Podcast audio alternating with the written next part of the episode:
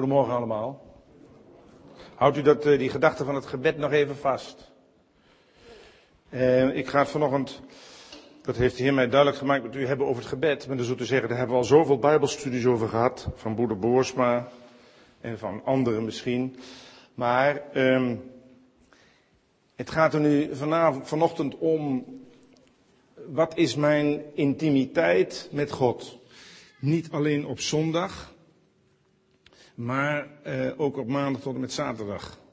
Mijn hele geestelijke niveau hangt niet af van de Bijbelstudies die ik heb ontvangen, van het aantal visjes op mijn auto. Mijn hele geestelijk niveau hangt ook niet af of ik 47 Bijbelscholen heb doorlopen. Mijn geestelijk niveau hangt af van de kwaliteit van mijn relatie eh, tot God en tot de Heer Jezus. En dan kunt u zeggen dat is een open deur. Ja, dat is een open deur. Maar het is toch goed om erover na te denken. Vooral wat, nou, aanleiding wat wij gezongen hebben. U kent mij, want ik kom hier al tien jaar. Dat wil ik gewoon even zeggen. Ik kom hier al tien jaar. Eh, ik schrijf dat altijd op. Ik heb een klein boekje van het kruidvat in mijn zak. En daar schrijf ik op wat wij allemaal zingen. Had u het maar niet moeten doen. Jezus is Heer. Dat klinkt geweldig op zondag. Geweldig. En dat is, eh, als ik u vraag, is Jezus uw Heer? Allemaal de vingers omhoog. Zeg ik, waar blijkt dat dan uit? Eh, daar staat, Jezus is Heer, Curios, dat wil zeggen hij is de baas. Dat wil niet zeggen een soort beleefdheidsvorm, zoals de Heer Jansen of de Heer Pietersen. Jezus is Heer, dat wil zeggen ik heb geen fluit te vertellen. Geen fluit. Dat is heel erg tegen onze natuur, want wij kennen onze kwaliteiten. Geen fluit. Wij hebben dat allemaal over discipelschap en Jezus volgen. Dat betekent hij is de baas, ook in de kleine dingen. Dat hebben we gezongen. En we hebben daar gelijk een troost bij gezongen. Zou hij dan jou vergeten? Dat is allemaal leuk op zondag, maar morgen wordt het maandag. En de Heer heeft mij duidelijk gemaakt, er zit hier in de zaal een aantal mensen die tegen de week opzien. En u kunt uw, uw, uw, uw heil zoeken bij mensen en mensen zullen u graag willen helpen, maar mensen hebben een plafond, mensen hebben hun limiet en daar bent u inmiddels wel achter. Jezus is Heer, maak daar maar gebruik van. Zou Hij dan jou vergeten? We hebben gezongen, Jezus regeert. Klinkt leuk op zondag, maar eh, wat betekent dat in mijn leven? Laat uw kracht zien. Leuk klinkt dat op zondag. Klinkt ook erg vroom. Laat uw kracht zien, Heer Jezus. Nou, bid er maar om. En zorg maar dat de pijplijn tussen jouw hart en de Heer, dat die open is. Dat zijn allemaal open deuren, weet ik, weet ik. En nogmaals, u hebt daar een hoop bijbelstudies over gehad. Want gebed is een geliefd onderwerp, maar nou de praktijk. We hebben gezongen, Jezus is krachtig, en weergaloos. Mooi! Maar wat betekent dat van maandag tot en met zaterdag? We hebben, gezingen, we hebben gezongen, wij beleiden, groot is uw trouw, o Heer. Hebben we allemaal gezongen. Dat kunt u zich misschien niet herinneren. We hebben vanochtend allemaal gezongen. De enige die zich dat nog goed kan herinneren is degene die de zangdienst heeft voorbereid. Maar u hebt vanochtend beleden hier in Drachten. En heel Smallingerland trilde ervan. Groot is uw trouw, o Heer. Wat betekent dat? Maandag tot en met zaterdag.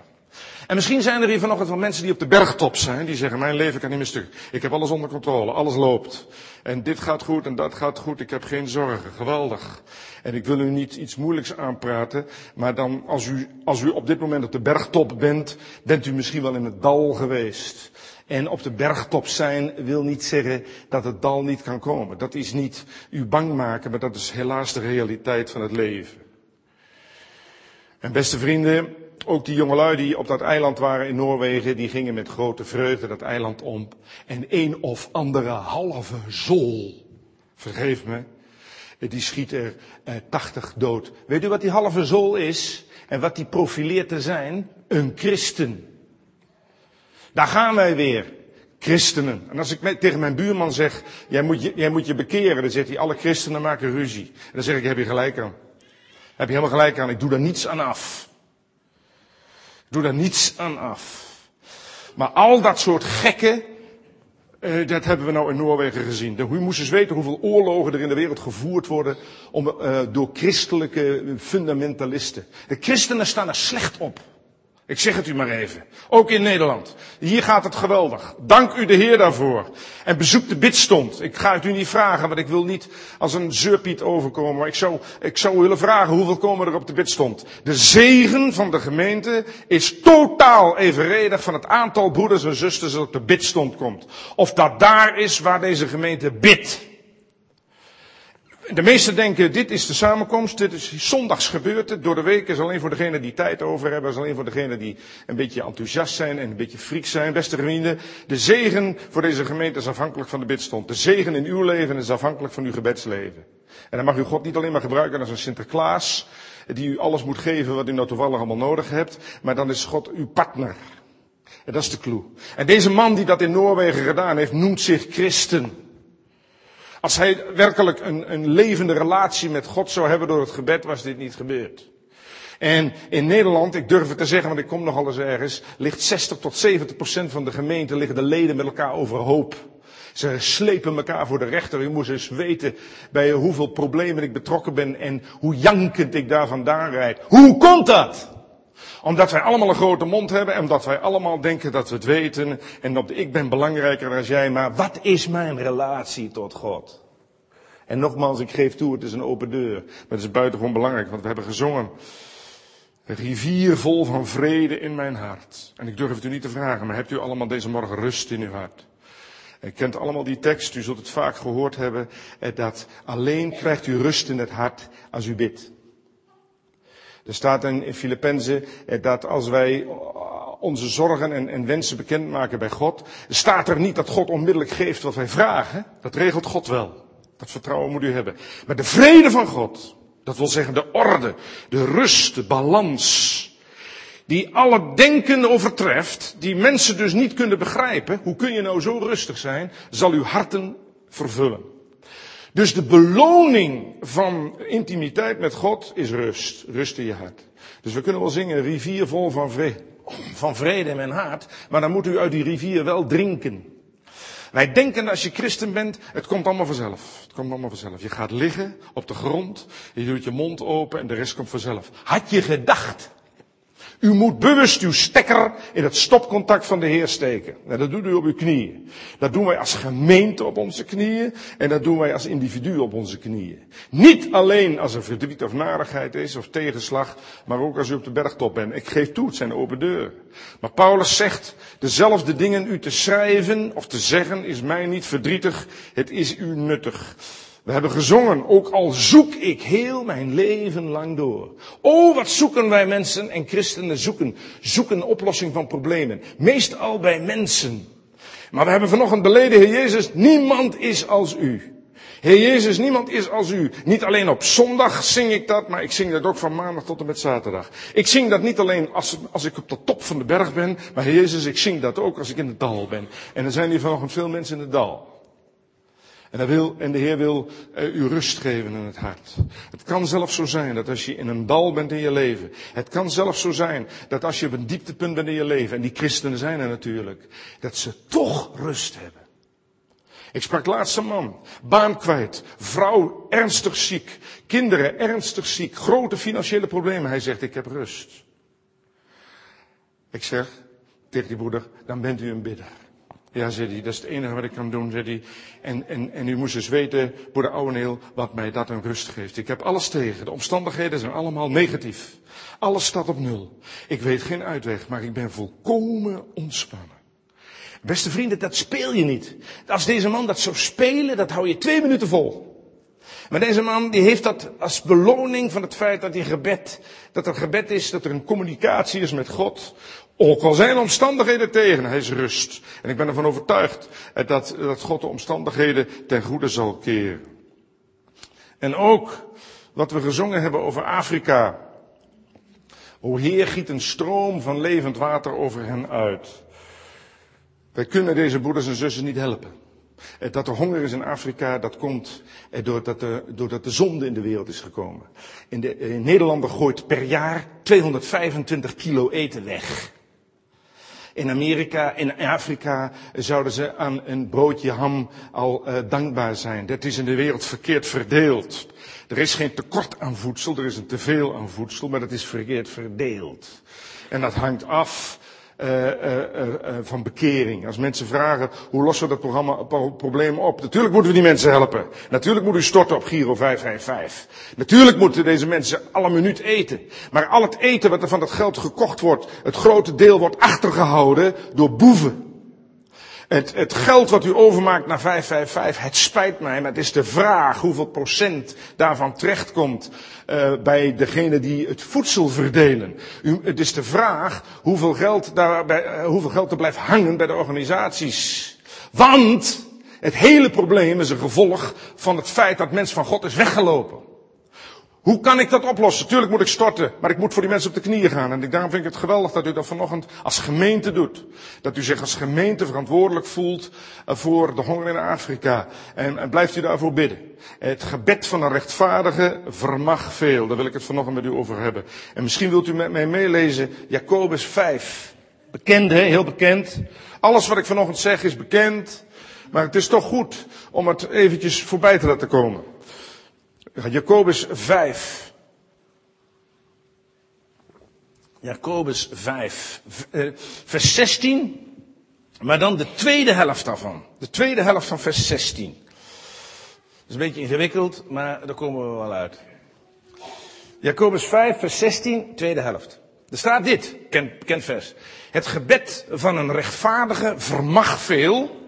Dat betekent letterlijk in het Grieks heeft heel veel potentie, heeft heel veel power, doordat er kracht aan verleend wordt. Wauw hé. Dus hier staan twee waarheden. Het gebed van een, van een, van een rechtvaardige heeft ongelooflijke power. Waarschijnlijk hè, is er op deze aarde geen grotere power dan het gebed. Ook niet de sterkste tanks die wij in het leger hebben gekocht met 18.000 pk hebben niet die power die het gebed heeft. U, als u alle keren in de, bed, in de Bijbel op een rijtje zit waar gebed grote dingen veranderden, dan zou je nog staan staan te kijken. Dus het gebed van een rechtvaardige, van een gelovige, heeft veel power. Waarom? Doordat er kracht aan verleend wordt. Dat is een beetje gek. Dat Griekse woord voor kracht hier is energeo, waar ons woord energie vandaan komt. Dat wil zeggen, het gebed van een, gelovige heeft veel kracht, doordat, het, doordat er energie uitkomt. Letterlijk betekent dat woord energeo eigenlijk effectief. Het gebed van een gelovige heeft veel power en het is effectief, het helpt. En u kunt zeggen vanochtend, ik bid al jaren voor dit of voor dat. U gaat u door. Hoe vaak de Heer Jezus heeft er niet gezegd om niet te verslappen in het gebed. We zullen daar straks over nadenken. Want er zullen hier velen vanochtend zijn die zeggen, ja, ik bid, ik bid, ik bid, en toch, en toch, het gaat niet. We zullen het daarover hebben. Maar het gebed van een gelovige heeft veel power, doordat het effect heeft. Het is effectief. Wat is een definitie van gebed? Ik zeg u eens even het gebed niet is. Gebed is geen verlanglijstje, zoals wij vroeger met eh, mijn vader het verlanglijstje voor Sinterklaas mochten inleveren. Mijn vader die maakte veel werk van het Sinterklaasfeest, want hij was weinig thuis. Hij had weinig tijd voor zijn gezin. Het was een goede vader en hij, ja, de goede man, die probeerde dat een beetje goed te maken met Sinterklaas. En dan mochten wij bij hem een lijstje inleveren. En de goede man, die gaf bijna alles wat op dat lijstje stond. En dat is gebed niet. Mogen we willen. Wij hebben toch de neiging om God als Sinterklaas te zien. Dat wil zeggen dat als je alles al hebt, hoef je nooit te bidden. Maar gebed is eigenlijk een intieme communicatie tussen God de Vader en zijn kind. Ik zeg intiem. Stel je voor dat een, dat een, dat een vader voor zijn, voor zijn kind alles doet. Hij geeft uh, op zijn tijd uh, zakgeld, kleren, alles. De jong, jong hoeft maar te vragen en hij krijgt het. Uh, en, en die vader die geeft maar. Maar die jongen, als die problemen heeft of verdriet, gaat hij naar de buurman. Dat is niet leuk voor die vader. Die vader die kan op een gegeven moment tegen de jongen zeggen, luister eens, ik wil je alles geven, ik wil je alles geven. Maar ik wil ook wel eens een keer jouw hart zien. Ik wil ook wel eens een keer, eh, een keer intimiteit met je hebben. Ik vind het heel verdrietig dat jij met je problemen en je verdriet naar de buurman gaat. Ik, ik ben jouw vader. Ik wil voor je zorgen. Ik wil niet alleen Sinterklaas voor jou zijn. Natuurlijk, ik hou van je. Ik wil je alles geven. Jij bent voor mij nummer één. Jij bent mijn kind. En je hoeft maar te vragen, je krijgt het. Maar ik, ja, ik ben ook een mens, zou die vader kunnen zeggen. Ik wil ook jouw hart willen zien. Ik wil ook wel eens zien wat er in je hart leeft. En ik wil dat met jou delen. Dat wil God ook. God is een God van relaties. God is niet alleen maar Sinterklaas. En zo zien we hem vaak wel. Gebed is intieme communicatie tussen God de Vader en tussen zijn kind. Let u goed op het woord communicatie. Daar zal ik u zometeen meer van vertellen. Laten we maar eens kijken in de Bijbel naar een voorbeeld van die communicatie. En moet u opzoeken Jezaja 37. En u doet u zelf een groot plezier als u dat doet. Jezaja 37 vers 14. Daar zit u. Wat een intimiteit eh, en wat een communicatiegebed is. Dat is niet te filmen. Jezaja 37 vers 14. Dan zult u zeggen, staat dat in de Bijbel? Dat staat er al jaren in. En dat verandert voorlopig ook niet. Jezaja 37 vers 14. Er was een, een, koning, Hiskia, die had een hele vervelende e-mail ontvangen. Hele irritante e-mail.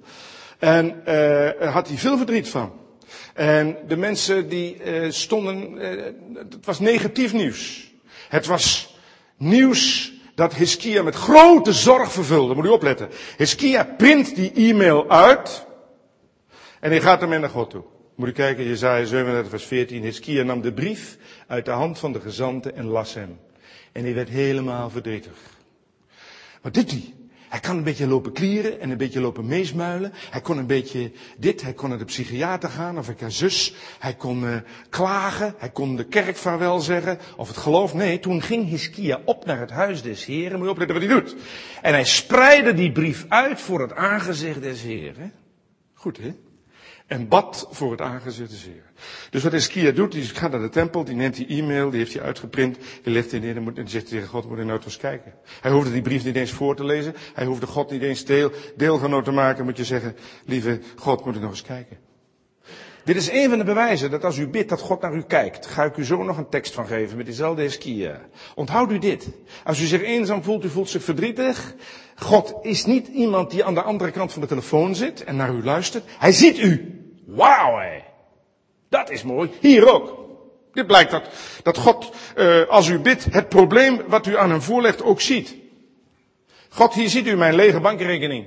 Hier ziet u uh, de te veel te lage prijs die ik voor mijn huis heb gekregen, waardoor ik een ernstige probleem heb. Hier ziet u de dreigbrief van de bank. Hier ziet u de dreigbrief van de deurwaarder. Hier ziet u de, de afwijzing op deze sollicitatie. God, hier ziet u mijn ontslagbrief. God, hier ziet u het negatieve nieuws van de dokter. En u kunt het allemaal zelf invullen. God, kijk nou toch eens eventjes.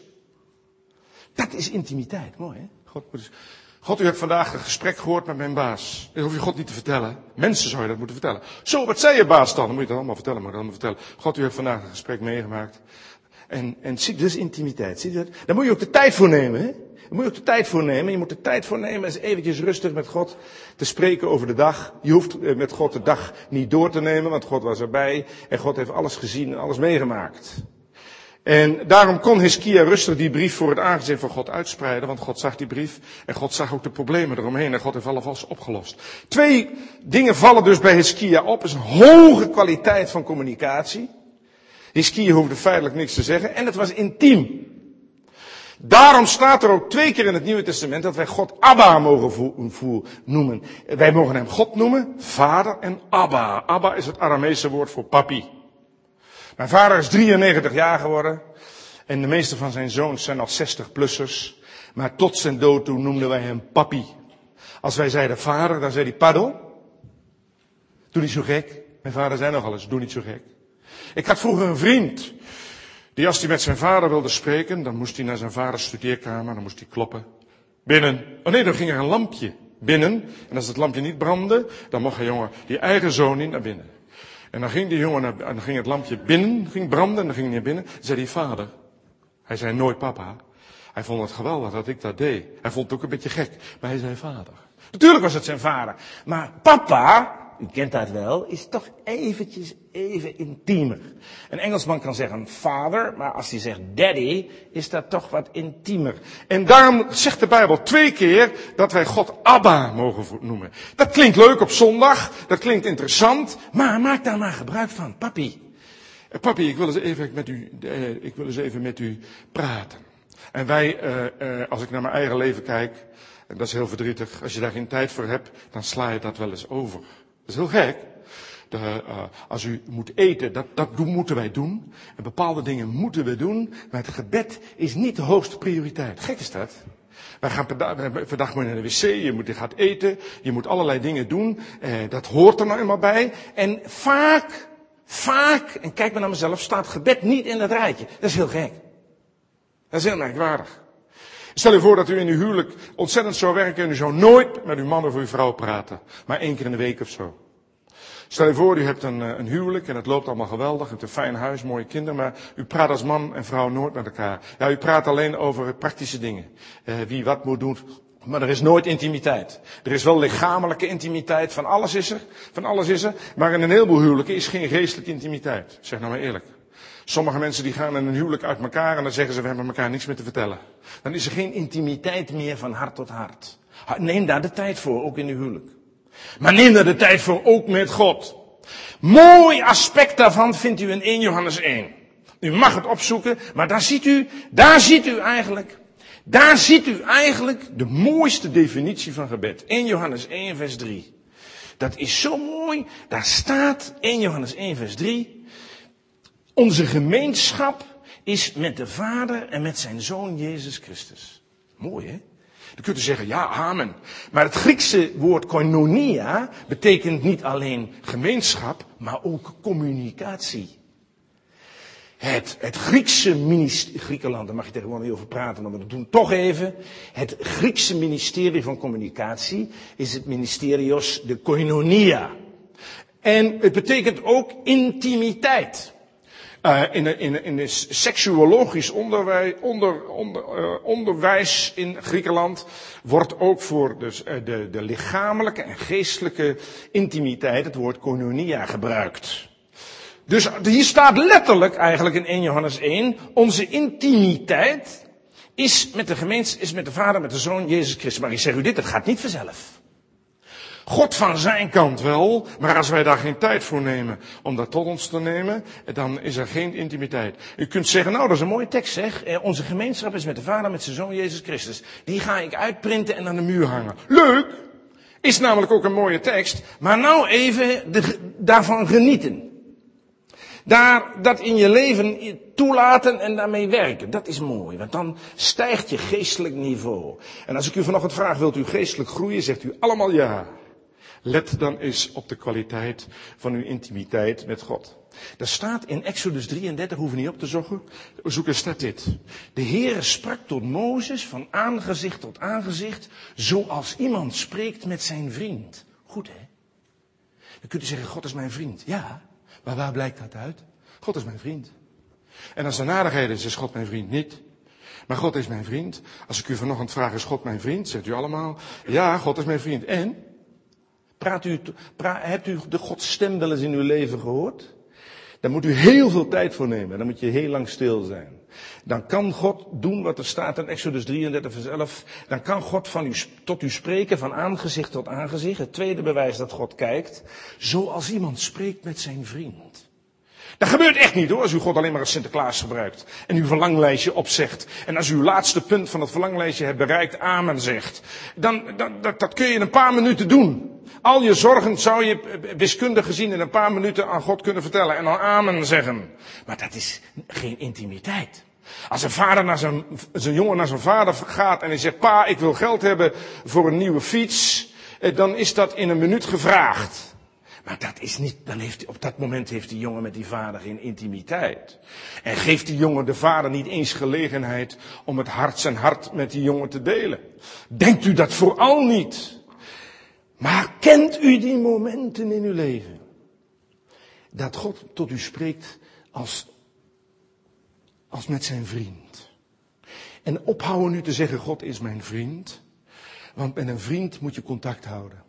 Ik heb jarenlang een vriend gehad, maar hij is geëmigreerd naar Canada en we mailen en we bellen. Maar in de praktijk, hij is mijn vriend natuurlijk. Maar in de praktijk komt dan van die genieting van die vriendschap weinig terecht. Tuurlijk is God uw vriend.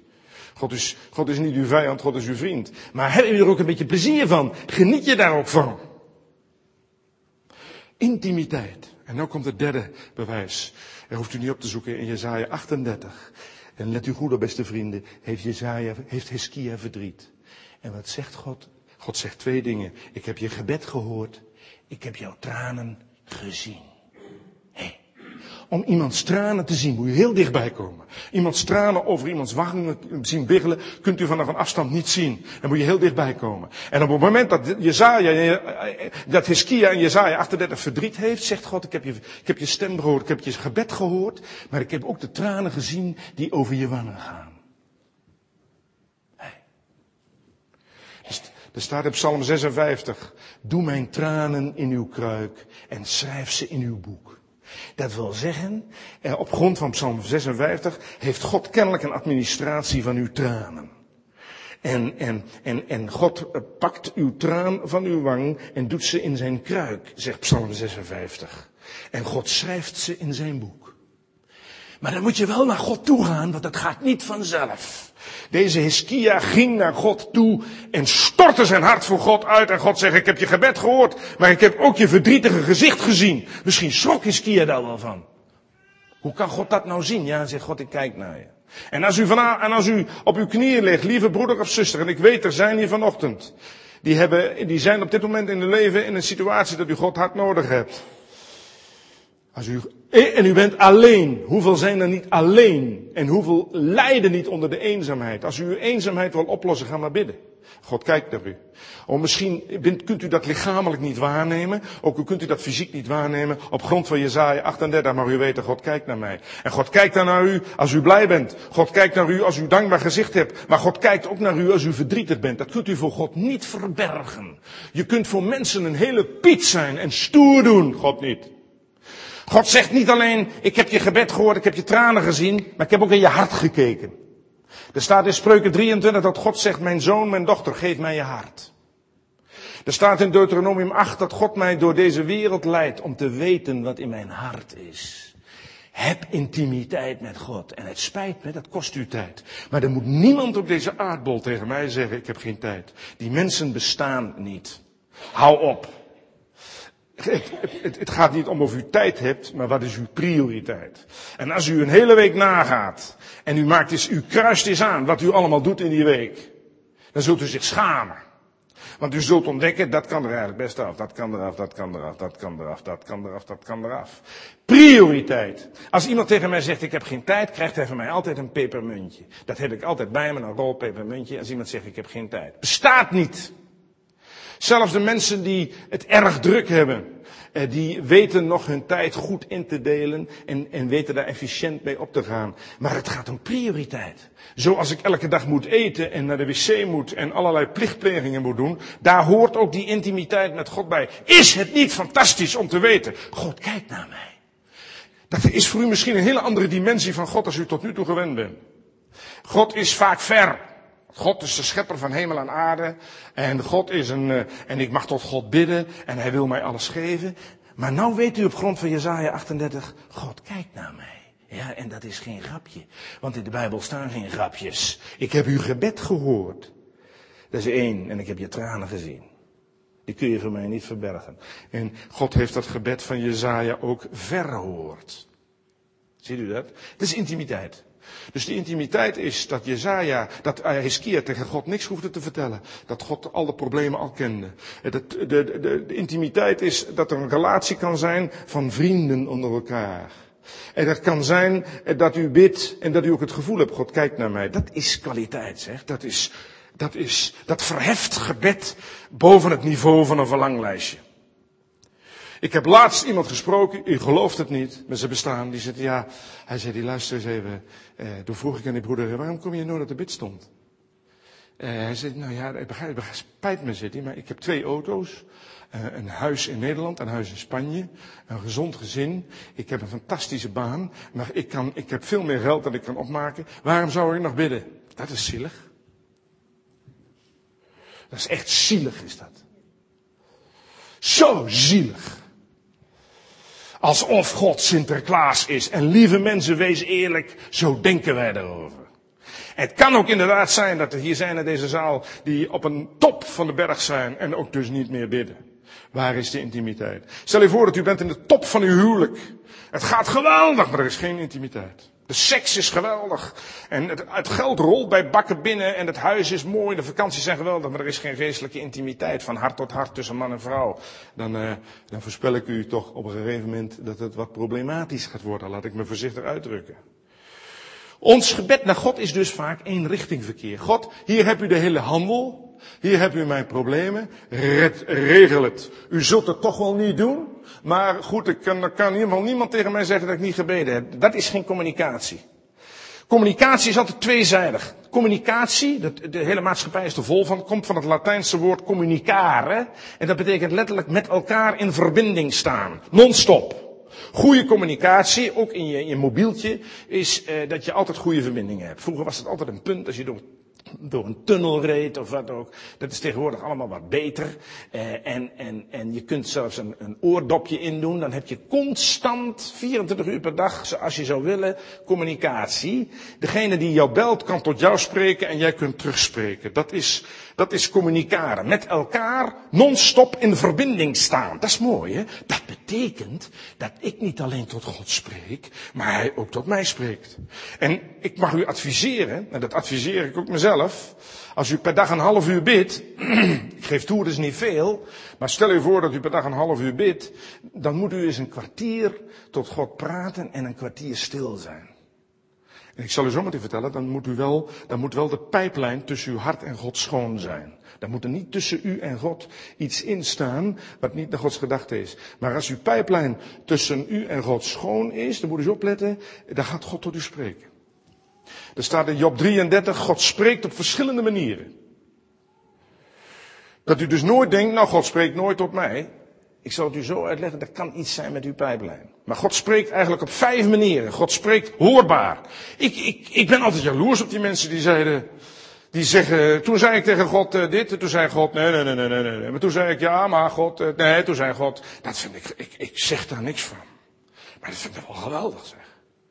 En toen zei God tegen mij, uh, zus, en sommige mensen die zeggen ook de verschrikkelijkste dingen, omdat God dat tegen hen gezegd heeft.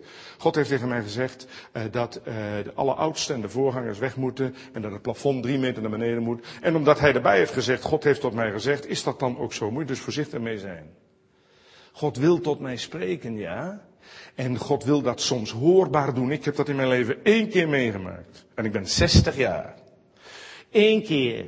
En dat wat God mij zei, helder en duidelijk, heb ik ook gedaan. En dat heeft mijn leven en mijn bediening 180 graden veranderd. Verder heb ik dat nooit gehoord, want God spreekt op veel meer manieren. Dat hoorbare spreken van God, lieve mensen, moet je voorzichtig mee zijn, want God heeft ons de Bijbel gegeven. 1200 bladzijden. Alles wat God te vertellen heeft, staat in het woord van God. En als iemand hier gaat staan en die zegt, God heeft mij een openbaring gegeven buiten de Bijbel om, moet u diegene ogenblikkelijk een pepermuntje geven en afvoeren. Want God heeft namelijk alles wat hij te vertellen heeft in zijn woord geschreven. Ga dat maar eens lezen. Er staat in openbaring 22, ik betuig aan ieder die aan het woord toevoegt. Hem zal ik toevoegen, de plagen die in het boek beschreven staan. Maar de Bijbel wordt in Nederland slecht gekend. Daarom denken wij soms dat openbaringen buiten de Bijbel omgaan, maar meestal staan ze gewoon in de Bijbel. 1200 bladzijden. En als u Gods gedachten wilt leren kennen, open uw Bijbel. Neem tijd om uh, Gods gedachten te leren kennen. En u kunt uw Bijbel gaan lezen volgens een rooster, maar u kunt ook zeggen, God spreekt tot mij. God, ik sla nu de Bijbel open. Het Bijbel is toch uw woord. Ik wil een woord van u voor vandaag. Ik wil dat u tot mij spreekt.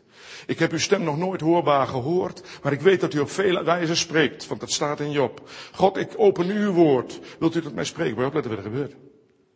Er zijn er genoeg in deze zaal die dat kunnen getuigen. Die een woord nodig hadden. Die een beslissing moesten nemen. Het woord van God opendeden en God sprak.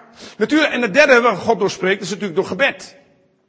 God, God spreekt door het gebed. Je moet een beslissing nemen, je legt hem aan God voor en God geeft rust. Het vierde waardoor God spreekt is door de Heilige Geest. En het vijfde, hier, hier in de samenkomst. En als u voor een bepaalde beslissing staat, vraag u maar aan God, God wilt u spreken zondag door de preek. Hoe vaak is het niet gebeurd dat broeders en zusters in de gemeente antwoord kregen in de preek? En, en, en, en, dat, en, en, en, en, en dat mensen een vraag hadden aan God, een zorg. En, en, en dat ze eh, de toevlucht namen tot allerlei openbaringen. Totdat ze ontdekten dat God gewoon spreekt door de preek. Vaak zijn het broeders en zussen die kritisch zijn op de preker. Het is te lang, te kort, te groen, te geel. En die dan ineens in vier woorden of in vier zinnen antwoord krijgen op een vraag vanuit het woord van God. Niemand kan God verwijten dat hij niet spreekt. De vraag is alleen, hebben wij interesse in Gods boodschap? Als God tot mij spreekt, hoe dan ook, heb ik er interesse in. Er staat in Psalm 85, ik wil horen wat God spreekt. Wat het ook is. En die communicatie die u met God mag hebben, die tweezijdige communicatie, is een cadeau van God. Een hoop mensen die zeggen, ja, je moet nou eenmaal bidden. Als een soort must. Als, als, als een soort verplichting. Ja, ik ben christen, dus ik moet bidden. Beste vrienden, ga God er maar eens voor danken dat u, dat u intimiteit met hem mag hebben. Hij, de schepper van hemel en aarde. Paulus zegt in 2 Timotheus 1, ik breng dank aan God dat ik onophoudelijk mag bidden. Hier staan twee dingen. Dat is dat Paulus onophoudelijk bad. En hij vond er, hij dankte daar God voor. Hij, hij zei tegen God, ik vind het zo geweldig dat ik onophoudelijk met u intimiteit mag hebben. Ik dank u daarvoor, want ik vind dat een groot privilege. Wauw, hè. En toch zijn wij daar vaak laks in. Ik zeg u dit. Als wij stoppen met bidden, of het gebed minimaliseren, dan boeren we achteruit. En wie krijgt de schuld? De voorganger, de oudste, de kerk, de gemeente, de bijbelstudies, die niet goed. Wij boeren geestelijk langzaam achteruit. Op een dag komen we ook niet meer, vinden we de gemeente ook niet meer interessant. Dat begint met kritiek, maar uiteindelijk is het uiteindelijk, uh, laten we alles schieten. Dat komt dat we niet meer bidden. En ik heb het nogmaals niet over eh, het Sinterklaas, want wij bidden best wel. Wij, eh, wij zeggen God ons verlanglijstje op. Maar die intimiteit met God. Als u, ik hoorde laatst iemand zeggen, niet meer bidden is fietsen op een fiets zonder luchtbanden. Je komt wel vooruit op stalen velgen, maar gaat niet lekker. En beste vrienden, dat is het gebed. En God vindt dat fijn. Ook al komt u per dag honderd keer tot God. God zegt, wauw, daar ben je weer. Er staat in Spreuken 15, aan het gebed der oprechten heeft God een welgevallen. Dat u dus nooit denkt, ja, maar ik ben al een uur geleden heb ik met God intimiteit gehad. En God heeft het natuurlijk toch al druk met die intimiteit met al zijn kinderen. Laat ik maar even pauze nemen. Nee, zegt God, ik heb aan het gebed der oprechten een welgevallen. En het woord voor gebed hier in het Hebreeuws is, God heeft aan de intimiteit van zijn kinderen een welgevallen. Wauw. Als u te vaak, uh, uh, uh, als u te vaak, als een, als een vrouw haar man zou opbellen op zijn werk, heel dag, met allemaal intieme gedachten, met allemaal leuke dingetjes, dan kan zo'n man zeggen, maar uh, Tineke, het is zo gelegen, ik moet nog werken. En uh, dit kan ik niet doen. Uh, je moet, kun je dat niet allemaal even tot vanavond bewaren? Dat doet God niet. Aan het gebed daarop rechten heeft hij hem wel gevallen. Er staat in Lucas 2 over een vrouw van 84 jaar oud, die diende God met bidden. Goed hè? Als u God wil dienen, dan kunt u zich uit de naad werken en uitsloven. Maar deze vrouw diende God met bidden. Wauw, hij was 84 jaar oud. En er staat zelfs bij, zij bad dag en nacht. Non-stop, 24-7. Goed hè? En daar diende zij God mee. Goed hè? Dat is het. Wij denken God te dienen door op het podium geweldige muziek te maken. Geweldig, geweldig, geweldig. Maar nergens staat er in de Bijbel dat je daar God mee dient. Dat is een manier waarop wij onze aanbidding uiten. Dat is geweldig. Maar God wordt gediend door intimiteit. En God reageert op mijn intimiteit op twee manieren. Want we zijn hier vanochtend die zeggen, ja, toch ervaar ik dat zo in mijn leven niet. De eerste reactie die God heeft is in Jezaja 58. Als gij om hulp roept, zal de Heer zeggen, hier ben ik. Mooi hè? Als gij om hulp roept, zal de Heer zeggen, hier ben ik. Niet van ben dan nou weer, hier ben ik. Goed hè? En de tweede, daagt God vanochtend hier u uit op de brouwersingel in Drachten. Wie is de man, of de vrouw, Psalm 25, die de Heere vreest dat, dat staat letterlijk in Psalm 25, vers 12. Wie is de man of de vrouw die rekening houdt met God? Dat doe je alleen maar door te bidden. En beste vrienden, kom mij niet aan met allerlei andere vrome verhalen, want ze deugen niet. Er is maar één manier waarop u uiting geeft aan het feit dat u rekening houdt met God. Dat is als u intiem met Hem bent. En God zegt vanochtend hier in Drachten, wie is de man of de vrouw die intiem met mij is? Dan komt de beloning. De Heere onderwijst hem aangaande de weg die hij moet kiezen. Er zitten hier vanochtend, die zitten nog met de gevolgen van de verkeerde keuze. Er zitten hier vanochtend diverse, die zitten nu nog met de gevolgen van een foute keuze die ze destijds hebben gemaakt. Had u maar met God intiem geweest. God zegt, als je met mij intiem bent, je, je legt je alles aan mij voor en je laat mij tot je spreken, dan ga ik jou onderwijzen aangaande de weg die je moet kiezen. Er zijn ook vanochtend mensen die voor een keuze staan. Studie, een baan, wat ook. En u weet niet wat u moet doen. U kunt kruis of munt doen. U kunt eh, natte vinger doen. U kunt gokken. Maar ga nou eens op uw knieën. Zeg heer, ik moet dinsdag een besluit nemen. U weet dat. En ik wil geen besluit nemen zonder u. Heer, ik hou rekening met u. Heer, en ik op grond van Psalm 25 vers 12, uw belofte, dan zult u mij onderwijzen aangaande de weg die ik moet kiezen. En ik moet kiezen, Heer. Weet u het vervelende met kiezen is? Vaak blijkt veel te laat dat je fout of goed gekozen hebt. Het zou mooi zijn als je koos dat je op je hand een, twee lampjes had. Een groen lampje als je een goede keuze had gemaakt en een rood lampje als je de verkeerde keuze had gemaakt. Zodat je niet over vijf jaar eh, zegt van had ik toen maar eens dat gedaan. Dat rode lampje en dat groene lampje hebben we niet. Ik heb het tenminste niet.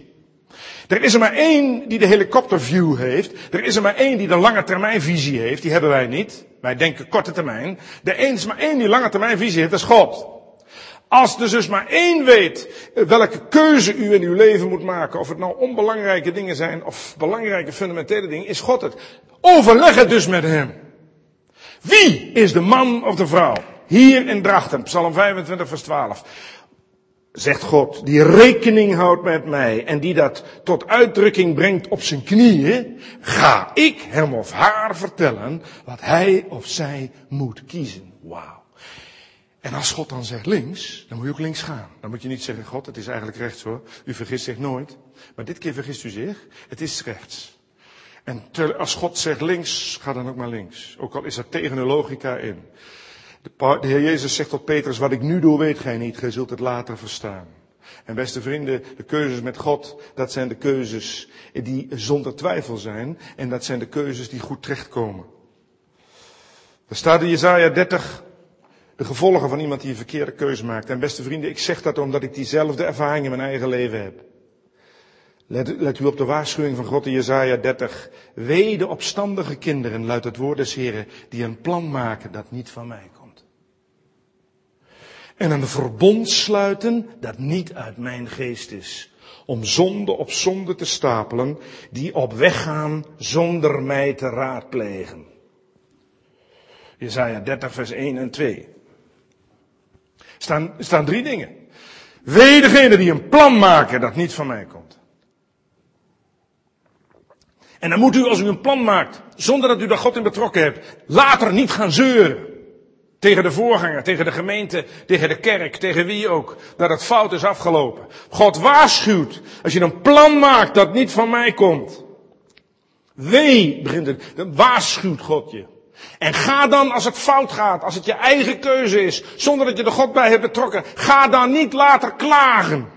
God zegt, overleg je plan met mij en ga pas als ik groen licht geef. En het tweede wat God zegt, wee degene die een verbond sluiten dat niet uit mijn geest is. Letterlijk, die een contract tekenen. De, de Joden gebruiken dat Hebreeuwse woord voor verbond vandaag de dag bij een contract dat bij advocaten wordt getekend. Wee degene die een contract tekenen dat niet uit mijn geest is.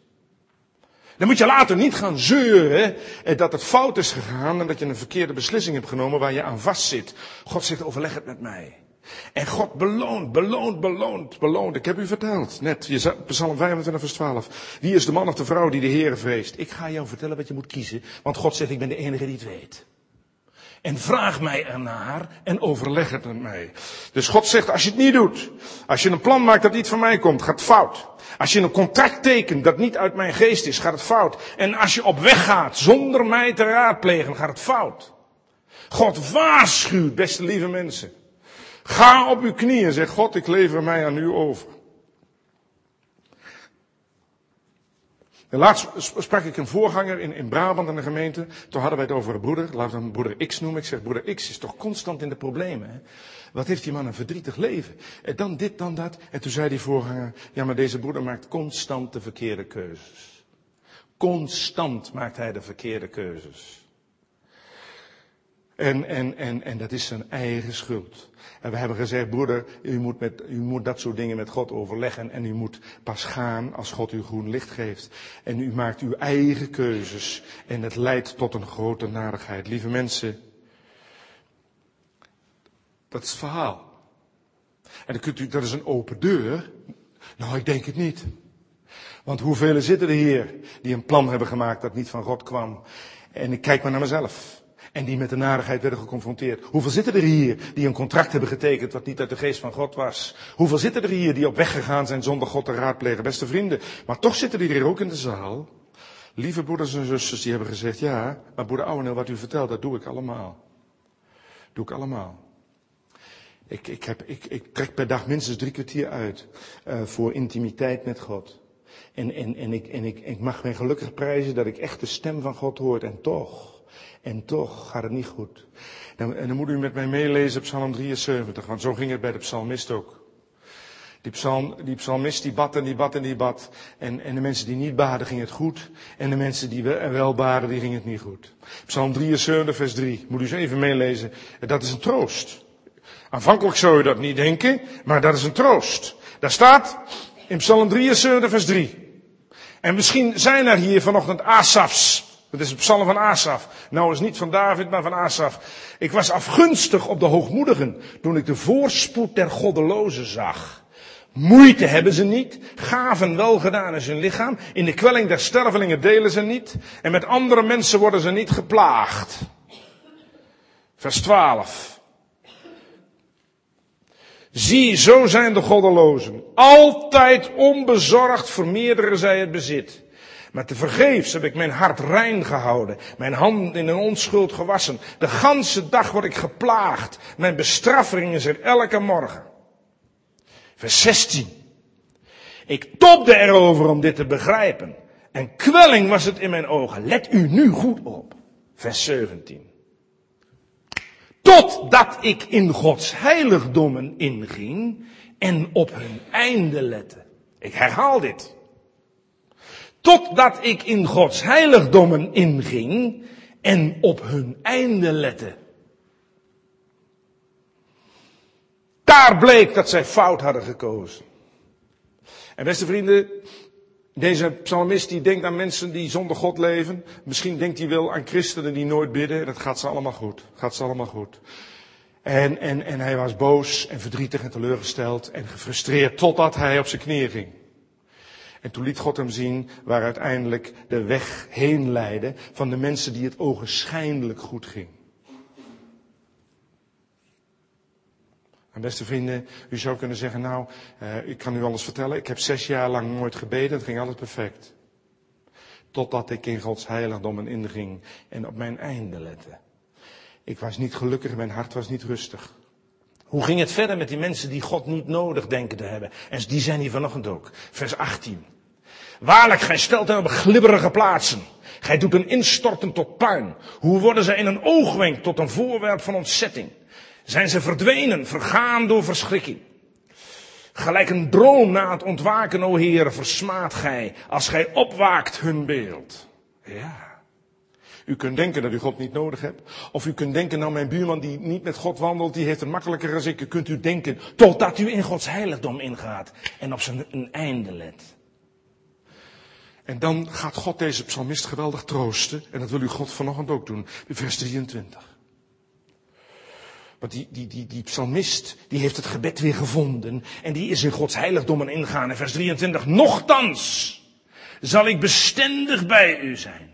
God, ik ga meer intiem met u zijn. Gij hebt mijn rechterhand gevat. Wauw. Gij zult mij leiden door uw raad en daarna mij in heerlijkheid opnemen. Wauw, dat kwam hij pas achter toen hij in Gods heiligdommen inging.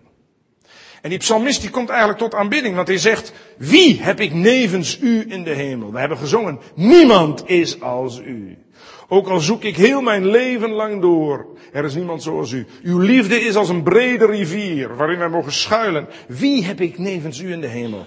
Nevens u begeer ik niets op deze aarde. Niemand is als u. Ziet u dat? Ziet u dat? Dus voordat die, die psalmist eh, de intimiteit had met God, was hij ontzettend eh, zenuwachtig, gefrustreerd en ontmoedigd, totdat hij die intimiteit met God weer opzocht. Hij kreeg een helder beeld van wat er gebeurt als je niet bidt. En doordat hij in Gods heiligdom ingaat, is, eh, komt hij weer boven op de bergtop. Misschien waren zijn omstandigheden nog steeds beroerd. Maar God gaf hem rust in het hart en leidde hem op de bergtop. Dus kiezen met de Heer, rust en alles komt in orde. Tot slot, er zijn er hier vanochtend die zeggen, ik bid al jaren voor een bepaalde zaak. Of uh, ik bid niet meer, want ik heb het gevoel uh, dat de hemel van koper is. Ik heb het gevoel dat als ik bid dat God niet luistert. Ik heb het gevoel dat het zinloos is. Ik heb het gevoel dat als ik bid dat ik tot een muur praat. Ja, ik heb u al verteld. Er zit tussen uw hart en God een pijplijn. Van Gods kant kan die nooit verstopt raken, maar van uw kant wel. God is, vergeeft u me dat ik het zeg, geen mietje. Wij denken, God vindt alles maar goed. Er staat in Romeinen 5. Zij die in het vlees zijn, kunnen God niet behagen. Als u met God geen rekening houdt en u doet uw eigen ding, dan gaat uw pijplijn verstoppen. En dan moet u God niet de schuld geven dat hij u niet hoort. In Psalm 66 zegt de psalmist, had ik onrecht beoogd in mijn hart, dan zou de Heer niet hebben gehoord. Het kan zijn dat van mijn kant de pijplijn dat er een prop in zit. Die heb ik erin gestopt. Doordat ik onrecht had beoogd. Dat wil zeggen, doordat ik in ongehoorzaamheid van God heb gewandeld. Doordat er in mijn leven zonden zijn die ik nog niet heb veroordeeld. Die ik nog niet heb weggedaan. En waarmee ik eigenlijk doorga. Nou, is de pijplijn verstopt. Dan hoort God u niet en u hoort God niet. En dan inderdaad, dan hou je langzaam op met bidden. In Jeremia 18 zegt de Heer, het volk doet kwaad zodat het mijn stem niet hoort. Als u doorgaat in een leven zonder God, u doet uw eigen ding, u doet christelijk, u hebt vijf visjes op uw auto en u bent lid van alle christelijke organisaties die je kan bedenken, maar u gaat uw eigen gang. En u betrekt God er niet bij. U houdt niet, zoals in Psalm 25 staat, rekening houdt met de Heer. Dan moet u er niet raar van staan te kijken eh, dat de pijplijn verstopt raakt. Als u vanochtend iets doet in uw leven wat niet naar Gods gedachte is. En u weet verbazend goed dat het in uw leven is. En tegenwoordig heeft dat heel vaak met internet te maken. Er zijn dingen die u ziet of hoort of opzoekt of doet. Waarvan u denkt, ach, ach. En die gaan langzamerhand verstoppen die de pijplijn. En dan wordt bidden heel moeilijk. En dan hoort u God u niet meer. En dan hoort u God niet meer. En dan gaat u geestelijk langzaam achteruit. Beste vrienden, God heeft u wel lief, maar God kan u niet bereiken. Als, als een, vader heeft zijn kind altijd lief, maar als dat kind zich voor die vader afsluit, dan kan die vader dat kind niet meer bereiken. Daarom, als er hier of vanochtend iemand is eh, die gevoel heeft, ik bid, maar het komt niet door. Eh, doe dan wat de psalmist bidt in 139. Doorgrond mij, o God, en ken mijn hart. Toets mij, test mij maar. Ga met uw pijlstok in mijn hart en ken mijn gedachten. Dit komt, dit bedoel ik. En zie of bij mij een heilloze weg is. Letterlijk het Hebreeuwse woord betekent schadelijk of afgodisch. God wilt u mij duidelijk maken wat in mijn leven niet klopt. God, ik, ik, het bidden valt mij zwaar. Ik voel, er is, is een kink in de kabel. Dat hebt u niet gedaan. Maar van mijn kant is er, een, is er, een, is er, een, is er een, een verstopping in de pijplijn. Ik kan u niet meer bereiken. Ik hoor uw stem niet meer. Ik voel ook de rust en de vrede niet meer in mijn hart. Wilt u mij duidelijk maken of er in mijn leven iets is wat niet naar uw gedachte is? Het kan zijn dat u het verbazend goed weet wat het is. Het kan ook zijn dat u het niet weet. En dan wil God u dat duidelijk maken, zodat u dat kunt wegdoen. Dat moet u doen.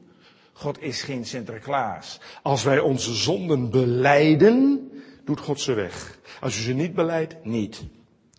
U moet ze voor God opnoemen. God, ik heb al jarenlang deze gewoonte.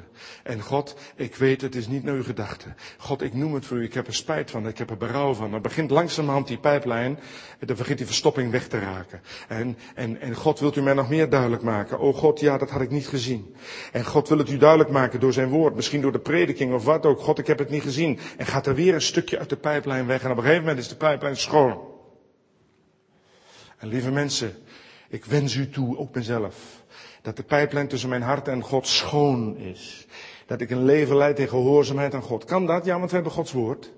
En we hebben de prediking, we hebben de gemeente. Eh, en, en dat de pijplijn schoon is, zodat ik tot God vrijuit kan praten. En dat God tot mij kan praten. Dat ik al mijn beslissingen met God kan overleggen. Dat is zo'n geweldige zegen voor mijzelf.